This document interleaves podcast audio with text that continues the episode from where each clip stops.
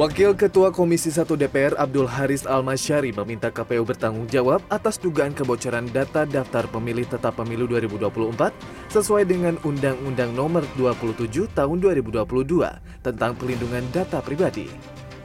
Menurutnya berdasarkan undang-undang tersebut kasus kebocoran data harus diusut. Haris juga menekankan pengelola data wajib bertanggung jawab atas keamanan data pemilih. Meski demikian, Menteri Komunikasi dan Informatika Budi Aris Setiadi mengklaim dugaan kebocoran 204 juta data pemilih KPU murni merupakan motif ekonomi dan tak ada unsur politik. Ia menjelaskan data yang bocor dari situs resmi KPU tersebut adalah data DPT.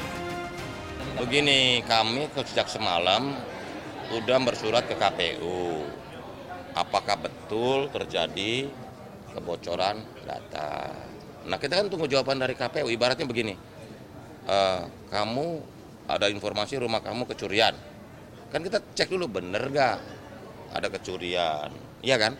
Nah menurut undang-undang PDP perlindungan data pribadi itu tiga hari waktunya. Tapi kita lebih baik, lebih cepat lebih baik.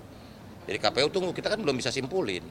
Karena KPU kan masih laporin apa datanya yang hilang, seperti apa bentuknya, dan bagaimana uh, apa uh, data itu bisa kecurian atau hilang gitu. Berarti belum sempat ada analisis awal dulu. Oh, kalau analisa udah ada. Ya itu kan itu.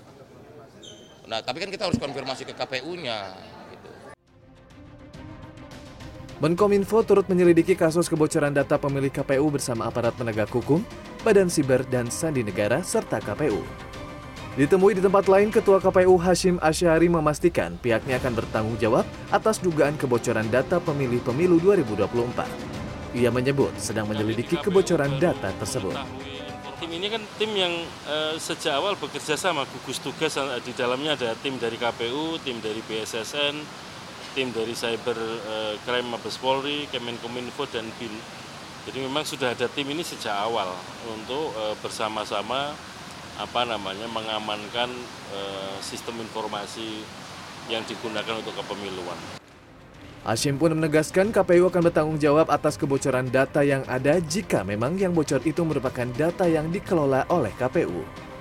Seperti diketahui, data tersebut memuat informasi sekitar 200 juta pemilih meliputi NIK, NKK, nomor KTP, jenis kelamin, dan tanggal lahir, termasuk data dari Konsulat Jenderal RI, Kedutaan Besar RI, dan Konsulat RI.